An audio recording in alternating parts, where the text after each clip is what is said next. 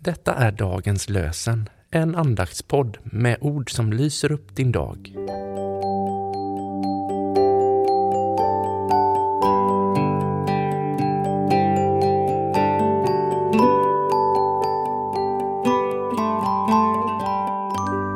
Det är onsdagen den 4 oktober och dagens lösenord kommer från femte Moseboken, åttonde kapitlet, vers 7. Herren, din Gud, för dig in i ett rikt land med bäckar, källor och vattenådror som springer fram ur berg och dalar. Herren, din Gud, för dig in i ett rikt land med bäckar, källor och vattenådror som springer fram ur berg och dalar. I Apostlagärningarna 14 och 17 läser vi Ändå gav han, den levande guden, vittnesbörd om att han finns genom allt gott som han gör. Från himlen har han gett er regn och skördetider. Han har mättat er och fyllt era hjärtan med glädje.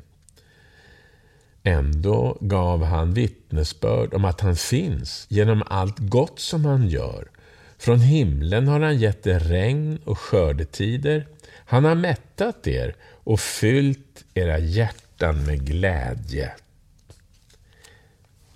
Lars Björklund skriver Allt det som sker i livet läggs till dag för dag. Men varje gång vi faller tillbaka till själva grunden finns glädjen där. Den ordlösa tystnaden ger rum för glädjen. Och den glädjen bär alla färger. Herre, tack för att du är livets Gud. Du älskar din skapelse.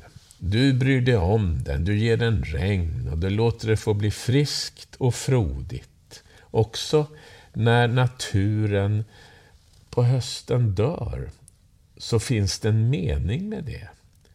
Jag ber dig, Herre, att vi skulle samarbeta mer med dig. I våra egna liv, men också när det gäller hela din skapelse. Hjälp oss att värna om naturen, så att den alltid kan få vara frisk och frodig. Vi ber om det i Jesu namn. Amen. Herren välsigne dig och bevare dig.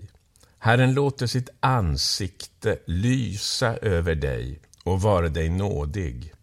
Herren vände sitt ansikte till dig och ge dig frid. I Faderns och Sonens och den helige Andes namn. Amen.